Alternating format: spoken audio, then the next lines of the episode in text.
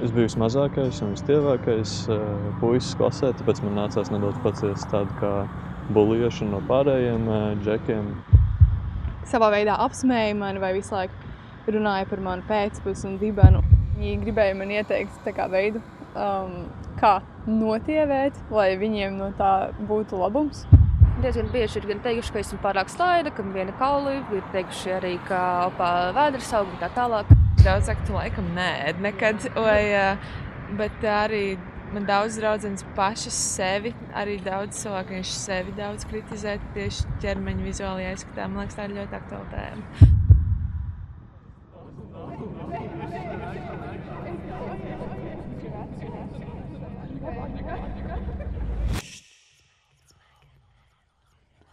Nekad nav labi.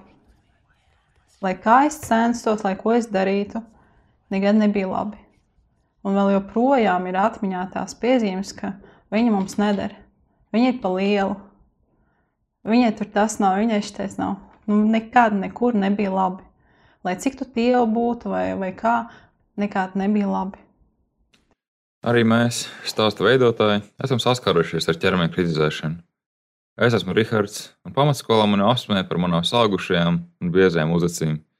Sakot, noskoju uzacis, kāpēc tu neskoji uzacis? Es esmu Reina. Jau kopš bērnības, gan ģimenē, gan no vienaudžiem, esmu saņēmis pārmetumus par to, cik es esmu tieva. Pamatskolā puiši mani saukāja par skeletu. Ģimene man visu laiku pārmet par to, ka es nēdu. Nekad neaizmirsīšu, kā reiz radinieku sajētā radiniece man teica, vai tu vari vienas salātlapas vietā ēst divas. Es esmu Viktorija, un es vienmēr esmu bijis garāk par visiem, it sevišķi savā ģimenē. Un uh, skolas laikos bija grūti iejusties, tādā veidā bieži iesaukt, kuras dzirdēju, bija staps. Es esmu Laila, un sākuma skolas laikā mani ķircināja par lieko svaru, kā arī sporta stundās es allaž biju pēdējā, jo es nespēju tikt līdz saviem klases biedriem. Es nekad neaizmirsīšu, kad skolas medmāsiņa ikgadējā apskats reizē man izsniedz lapiņu, ģimenes ārstam ar uzrakstu Lūdzu, dietologu konsultāciju. Acīm redzami, ķermeņa kritizēšana, jeb nepiedienīga un negatīva komentāru izteikšana attiecībā uz cilvēku ārējo izskatu un ķermeni ir jauniešu starpā izplatīta problēma. Tā var sākties jau bērnībā, ģimenē vai arī vienotru vidū. Tā mēs vainoties no apcelšanas par izsitumiem, uz sejas, ādas pigmentāciju līdz, protams, izteicieniem: Tu esi resna, tu esi tievs, ar ko daudz saskars arī vēlākā vecumā. Līdzīga pieredze ir mūsu stāsta galvenajai varonei Iritei. Viņai ir 26 gadi. Viņa no Latvijas ieradās Rīgā, lai mācītos. Tā īsti bērnībā man komplekss nebija, kaut arī es biju aplīga. Vienīgais komplekss man bija par to, ka es biju gara auguma. Un, protams, ka sākās tāds kā tas meitiņu vecums, kad vēlas uzlikt augstu pēpēžu kurpes vai kaut kā citādi. Jau sāk pucēties, nu, tad, protams, man bija komplekss, jo es biju gara. Es nevarēju iefiltrēties nec bildēs, nec kompānijā vienmēr. Un tad jau es saņēmu piezīmes par to, ka tu kā nu, rīktīgi gara jā, un bez, bez jēgas. Vidusskolā 2012. gadā Iritai parādījās iespēja sākt modelēt. Viņa aizpildīja anketu, drīz saņēma zvanu un satikās ar aģentūras pārstāvjiem no Lietuvas. Cilvēki domā, ka tas ir mans dzīves labākais posms, bet tas ir mans dzīves sliktākais posms. Es gan vēl neesmu sapratusi. Iritai šis laiks pārsvarā saistīts ar sliktām atmiņām. Modelis karjerā viņa pret sevi un savu ķermeni no citiem saņēma izteiktu kritiku. Kā rezultātā viņa pati sāk raudzīties uz savu ķermeni negatīvi. Viņa nevarēja vairs sevi pieņemt. Un tad, kad parādījās tā modelēšana, tad parādījās diētas, drastiskas diētas Tad parādījās pārlieku liels sports, katru dienu līdz pat trīs stundām. Savienojumā gandrīz ar badošanos, bet lielākā problēma ir ar ēdienu, kas noved līdz ēšanas traucējumiem. Ar diētām viņa beidzot notievēja, ka rezultātā viņai parādījās vairāk darba piedāvājumu. Viņa ceļoja uz dažādām valstīm, piedalījās konkursos un strādāja ar atzītiem fotogrāfiem. Es biju aizbraucis to Singapūru. Man bija dota nedēļa laiks, lai nomestu svaru. Es gāju katru dienu uz aģentūru. Viņa man mērīja rokas, rokas, skatījās seju, visas kājas, visās vietās nomērīja, līdz man nebija perfektais dabūts. Un tad bija maksimums viens grēfums dienā. trīs stundas pavadīju saulē. Laikam ejot, diētas kļuva nepanesamākas, un turpināt kļuva fiziski un emocionāli grūti. Irita pameta modelēšanu pēc trīs gadiem, bet sekas izrādījās ilgstošas. Iritē vēl joprojām ir grūti pieņemt sevi un savu ķermeni. Lai mēģinātu labāk izprast Iritas situāciju, mēs sazinājāmies ar klinisko psiholoģiju Ievu Paksi.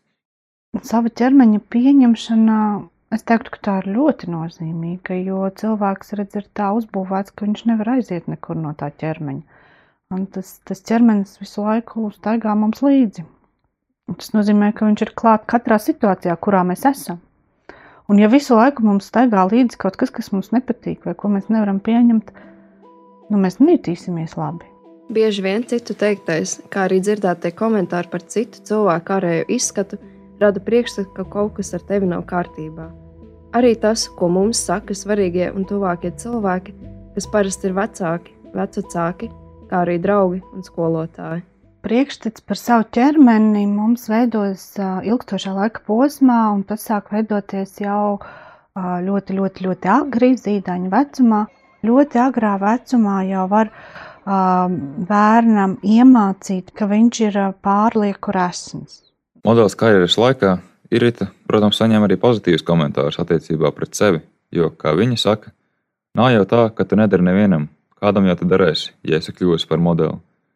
Šiem labajiem komentāriem viņa neticēja un nepievērsa uzmanību, jo negatīvā pieredze viņai lika domāt, ka ar viņu tāpat kaut kas nav kārtībā.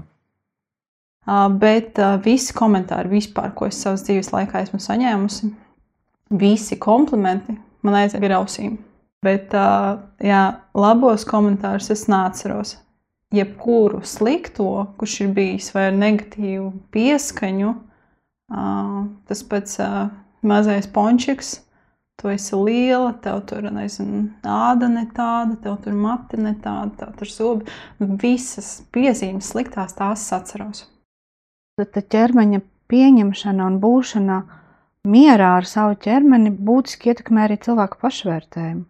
Savukārt pašvērtējums ķēdītē ietekmē gan to, ko viņš uzdrošinās darīt, gan to, kā viņš izturās, vai Un, piemēram, tā ķēdīte var pat izveidoties tāda, ka cilvēks uh, ir ļoti, nu, piemēram, ļoti gudrs un ļoti spējīgs, bet tādēļ, ka viņš ir ticis kritizēts par savu ķermeni kaut kādā bērnībā, viņam ir izveidojies pašvērtējums, nu, pazemināts. Viņš nespēja sevi pieņemt kā gana labu cilvēku.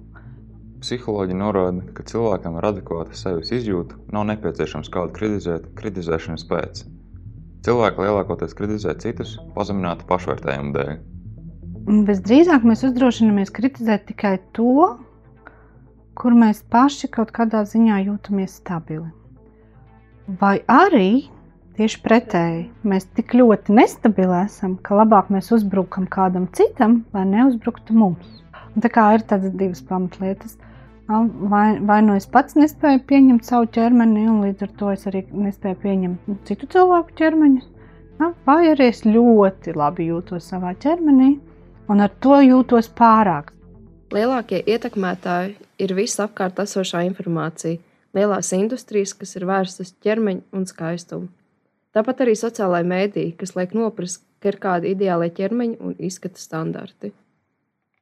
Apkārt ir tik daudz tās informācijas, ka viņam ir grūti noticēt, ka viņš pats ir gana labs, tāds kāds viņš ir. Irita kādreiz bijusi ļoti aktīva, sociāla un radoša jauniete. Taču šī negatīvā pieredze viņu ir tik ļoti ietekmējusi, ka viņa tagad vispārīgi cenšas norobežoties no cilvēkiem. Viņa ir maksimāli izolējusi savu draugu loku. Lielākās sekas uz iritas tagadējo dzīvi ir tās, ka irita vēl aizvien cīnās ar ēšanas traucējumiem.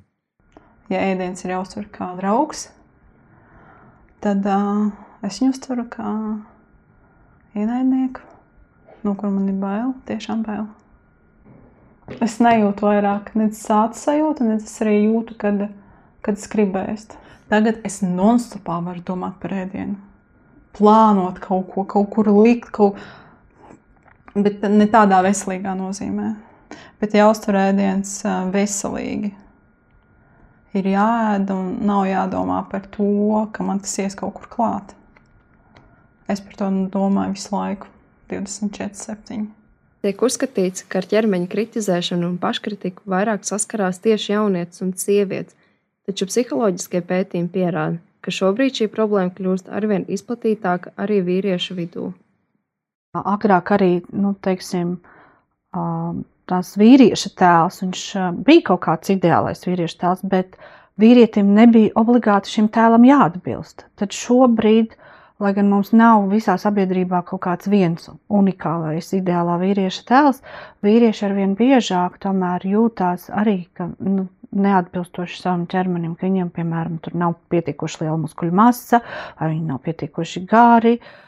Lai mainītu skatījumu par savu ķermeni un radītu sevi apziņu par to, ka es esmu pietiekami labs un vērtīgs, bieži ir nepieciešams speciālistu atbalsts, kas cenšas stiprināt vispārīgu cilvēku pašvērtību un pašapziņu. Būtiskākā lieta ne tikai par ķermeni, bet vispār ir atļaut sev domāt, ka es esmu pietiekoši labs. Tieši tāds, kāds es esmu. Bet līdz šai domai, līdz šīs domas pieņemšanai, ir diezgan garš ceļš. Ir cilvēki, kuriem ļoti palīdz afirmācijas. Tie ir tādi tekstiņi, kurus viņi atkārto un atkārto. Jā, vai, vai pavisam vienkārši uh, vingrinājums katru rītu sev spogulī uzsmaidīt un novēlēt sev labu dienu.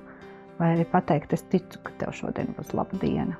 Un, tā kā būt, būt laipnam pašam pret sevi un mīlēt sevi. Ļaut sev atpūsties, ļaut sev gribēt kaut ko, nejusties vainīgam par to, ka kādreiz es arī kaut ko gribu un to attiecīgi arī daru. Stāstu veidoja Viktorija Bogdānova, Rēnija Saliņa, Rihards Lišāns un Laila Kaļiņina. Lielas paldies Iritai, ka viņa piekrita padalīties ar savu pieredzi.